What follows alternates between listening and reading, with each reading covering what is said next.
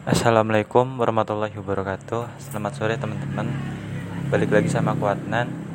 Uh, Makasih yang udah dengerin sampai episode 70an ini. Aku mau cerita sedikit tentang keresahanku ya. Aku kan besok Senin itu mau UTS Cuman Aku kayak belum ada Bukan gak niat belajar sih. Selalu ada gangguan gitu. Bukan gangguan tapi lebih ke udah deh gampangnya gangguan. Setiap mau belajar selalu ada hal-hal yang buat aku harus ngelakuin itu dulu sebelum belajar. Kalau soal materi udah lengkap rekaman udah lengkap PPT dari dosen udah lengkap semuanya udah lengkap aku tinggal belajar. Untungnya besok tuh cuma satu mata kuliah tapi materinya tuh banyak banget aku resah ini gimana ya? Apakah bisa terkejar? Rekaman dosen tuh kalau di total ada 12 jam. Sekarang tuh jam 5 berarti baru selesai jam subuh besok. Dan ini mustahil aku lakukan. Aku nggak mau mengorbankan waktu tidur malamku. Karena buatku tidur itu sangat penting berharga. Makanya aku mau maksimalin waktu yang sedikit ini untuk hasil yang maksimal gimana supaya aku belajarnya minimal tapi hasilnya tuh maksimal. Kayak yang aku bilang tadi efektif. Aku tadi dengerin rekaman dosen tuh selama satu jam awal. Tapi kok aku mikir uh, apa ada cara yang efektif ya? Harusnya ada sih. Terus aku jadi mikir gimana ya? Terus aku buka YouTube. Sebelum buka YouTube aku review belajar dulu. Semester 4 ini aku dengerin dosen sambil catat kata kunci dan screenshot setiap layar setiap berganti PPT screenshot. Kecuali kalau dosennya kasih PPT aku nggak akan screenshot. Termasuk mikrobiologi itu aku nggak screenshot tapi ada PPT nya itu cukup banyak. Satu file di rata-rata mungkin ada 50 slide. Kalau 50 materinya itu ada 7 350 slide. Dan aku nggak kuat. Makanya aku cari cari cara gimana ya supaya materi semua ini masuk gitu dalam otakku. Besok nggak harus buka catatan. Aku bisa ngerjain dengan baik. Oke aku cari di YouTube cara meringkas materi. Tapi ketemunya malah meringkas otomatis. Kalian bisa cari sendiri di internet websitenya itu ada. Aku iseng tuh coba ambil satu jurnal aku copy paste di website itu diringkas itu bisa optimal sampai 30% bener-bener optimal 30% tergantung kerumitan e, kalimatnya. Aku coba tuh tapi kok aku rasa kayak kurang efektif ya ada hal-hal yang luput. Karena mereka kan hanya mesin. Mereka nggak punya daya kreativitas kepekaan. Mana sih kata kunci yang uh, penting? Apalagi kalau parafrase otomatis tuh ada. Penulis ulang tuh ada. Nah inilah uh, mesin-mesin yang mohon maaf dalam tanda kutip buat orang-orang tuh males. Dan terlalu percaya sama teknologi seperti itu. Ya emang membantu. Cuman kalau untuk hal-hal yang serius seperti buat skripsi atau buat tugas itu nggak nggak baik. Parafrase otomatis itu lebih ke ganti kalimat ganti kata hubung aja. Udah gitu doang. Nulis ulang ya kalimatnya dibolak-balik aja. Padahal parafrase yang bener itu eh, maknanya sama.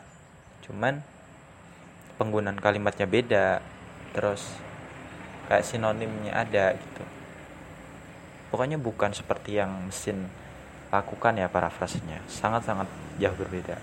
Apalagi kalau dosennya udah berpengalaman dia tahu mana yang parafrase betulan atau parafrase yang emang kopas dari mesin. Aku pikir mesin ini udah ada sejak lama pengembangannya. Seperti teknologi WhatsApp atau Instagram itu kan buatnya udah lama dua hari yang lalu aku baca sejarah WhatsApp tahun 2009 itu dibuat ya sama Jan Kaum sama temannya tuh.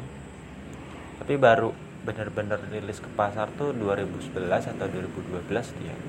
Mungkin bisa dicek kalau aku salah.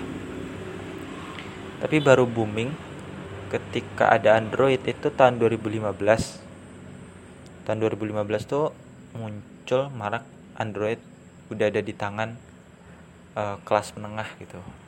Termasuk aku udah megang tahun 2016 udah megang Android. Ada WhatsApp juga saat itu terkenal. Sampai sekarang dengan berbagai fitur pengembangannya. Gue balik lagi ke cara belajarku memahami materi yang super banyak. Aku kepikiran buat daftar isi otomatis daftar pustaka otomatis. Ternyata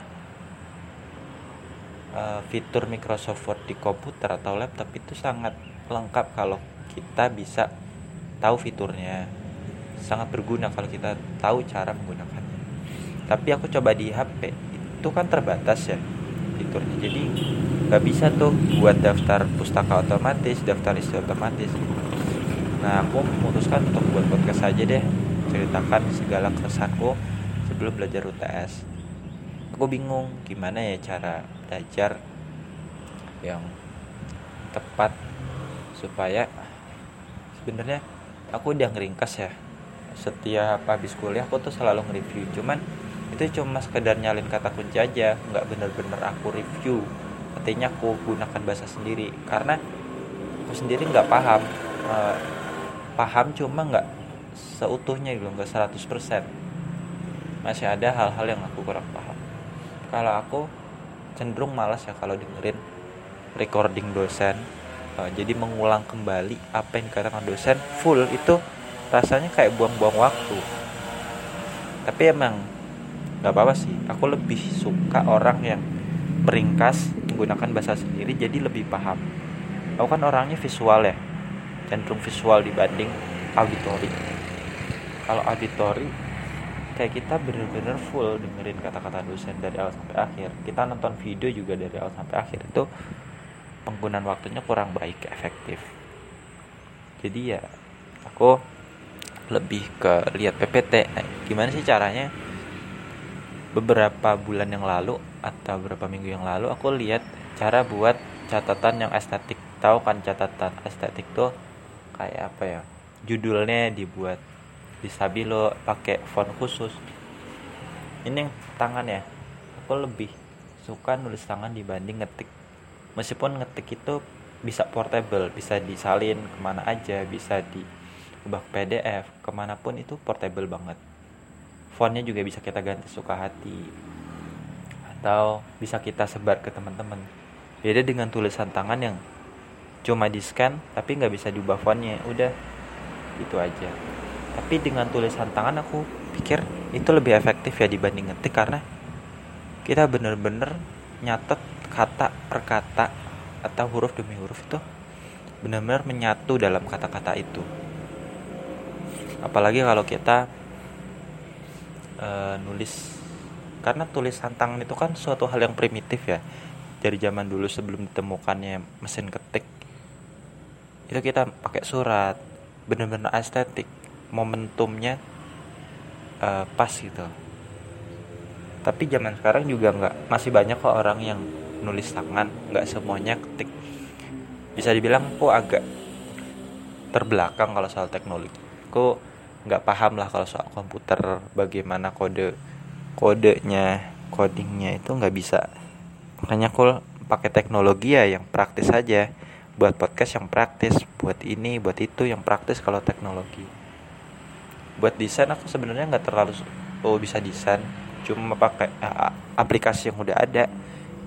Otak atik pun aku juga nggak paham ini fiturnya apa kok kayaknya lama ya. Udahlah nggak usah dipakai gitu. Balik lagi ke cara belajar tadi. Itu pakai aplikasi PickUp ya kalau kalian mau yang digital buat catatan estetik. Tapi kalian juga harus apa ya nggak harus pinter di tulisan tangan juga sih. Yang penting kalian tahu paduan warnanya yang pas supaya enak dibaca. Meskipun pada akhirnya dibaca tetap tulisannya ya. Hiasan-hiasan itu kan cuma buat menarik kita aja. Jujur kalau kita udah bergelut dengan dunia desain kayak begitu gitu butuh waktu yang sangat sangat lama. Kontennya wah jangan tanya lagi. Udah buatnya lama harus kopas kita juga harus tahu layoutnya tata letaknya. Mending uh, kita posisikan diri di kita cuma punya waktu terbatas tapi materi harus kita pahami dengan cepat. Nah di situlah posisiku. Aku nggak terlalu pengen desain yang estetik tapi yang penting penggunaan highlight kayak warna-warna gitu menurut aku krusial ya. Jangan sembarangan dipakai. Artinya buat highlight kata kunci aja judulnya subabnya tapi kalau kita cuma kata kunci kita nggak akan paham juga. Karena ini apa ya hubungan kata kunci dengan itu? Di PPT itu cuma kata kunci kan? Nah, makanya kita harus kembangin dengan bahasa kita sendiri. Ini apa? Itu apa? Jujur sampai sekarang kok masih uh, banyak belajar tentang membuat ringkasan yang baik. Itu seperti apa? Aku pikir dari kata kunci terus kita pakai kata-kata kita sendiri.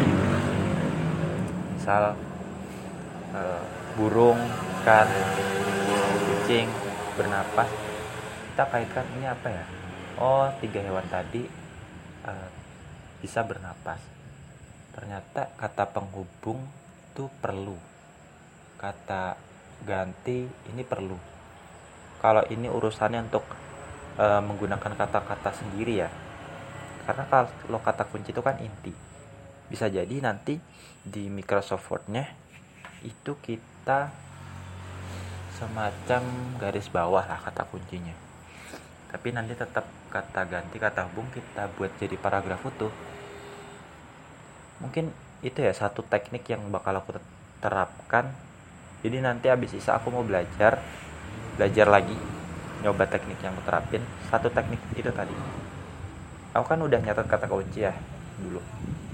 Kata kunci ya udah aku kembangin dengan bahasaku sendiri ditambahkan kata hubung kata ganti. Nah lantas gimana PPT tuh yang banyak banyak kata kunci juga? Penting nggak? Penting. Penting banget. Karena sebenarnya itu kan kata kunci yang nggak sempet tercatat.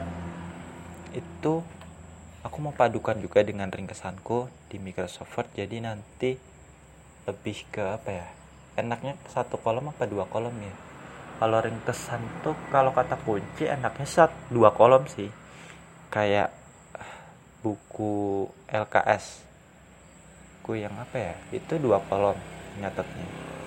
Jadi nggak nggak ada space nggak banyak space kosong itu kalau satu space kalau kita cuma kata kunci aja kan banyak banget space kosong. Itu sebenarnya sayang banget terus bisalah aku tambahin sedikit estetik penghias. Mungkin stiker mungkin apa gitu. Bisa. Sekarang kan banyak ya. Kalau mau buat desain yang bagus sekarang gampang banget instan. Tinggal download aja gambar stiker. Kita hapus backgroundnya udah masukin ke Word. Udah jadi kan. Gampang. Semuanya sekarang serba gampang. Tinggal bagaimana kita mengefektifkan waktu kita teknik-teknik apa yang sekiranya efektif yang gak efektif gak usah dipakai. Sesuai kemampuan aja dah kalau soal hidup termasuk meringkas itu. Aku pikir eh, cukup sekian ya podcast kali ini. Jujur sebelum aku buat proses aku merasa stres gitu. Besok jam 10 udah ujian. Sementara aku belum mengulang materi pelajaran aku cari tutorial YouTube uh, sedikit tercerahkan tapi belum nemuin solusi. Tapi ketika aku mencurahkan isi hatiku tentang keresahan aku belum belajar oh tiba-tiba aku dapat solusi. Yang pertama parafrase kata kunci. Yang kedua gunakan dua kolom terus estetik itu tadi dan padukan dengan PPT dosen. Oh ya aku juga uh, dibantu dengan foto-foto screenshot yang ada itu cukup membantu. Kalau uh, ditambah dengan informasi dari internet aku pikir nggak usah ya. Karena dari dosen pun sebenarnya udah lengkap. Kalau latihan soal tuh nggak relevan sebenarnya karena apa yang ada di internet itu sebenarnya nggak lengkap. Informasi-informasi penting itu sebenarnya ya berbayar ilmu kuliah PPT dosen itu sebenarnya copyright banget. Berbayar. Jadi beruntung buat kalian yang kuliah. Terus dosen kalian punya PPT sendiri itu PPT-nya nggak diupload di internet tuh. Karena apa? Itu mahal harganya. Kalian kuliah di biologi kan mbak? Kuliah itu kalau aku di biologi kalian kuliah itu kan bayar sekian juta itu itu aksesnya apa? PPT dosen penjelasan dari dosen itu sangat mahal harganya. Nggak akan bisa kalian dapatkan selain di kuliah. Apalagi kalian punya relasi punya nomor ini punya itu. Betapa hebatnya kalian kalau kuliah. Nggak kan cukup lah kalau aku jelasin di sini. Mungkin topik berikutnya ya kalau soal keuntungan kita kuliah. Gitu. Intinya aku sudah seneng banget bisa sharing-sharing tentang tips belajar. Tadi pagi udah tips belajar cuma belum selesai ya. Makanya aku lanjut di podcast sore ini. Oh ya jangan lupa nanti malam aku mau update uh, bacaan surat yasin. Insya Allah sama bacaan jus Al-Quran lagi. Apalagi menjelang Ramadan ya kita harus persiapan dulu dah seminggu dua minggu buat ibadah mirip Ramadan. Biar nanti pas Ramadan kita nggak kaget lagi udah terbiasa gitu harapannya setelah Ramadan kita jadi manusia yang lebih baik lebih bersih ibadahnya lebih rajin nggak nyakitin orang lain lagi kata-kata kita lebih halus tentunya penuh rasa penyesalan tobat dari dosa. Ini sekedar renungan aja. Oke teman-teman itu aja. Makasih ya udah dengerin sampai episode 70-an doain semoga gue sehat dan bisa upload terus koneksinya lancar sampai jumpa di podcast berikutnya. Wassalamualaikum warahmatullahi wabarakatuh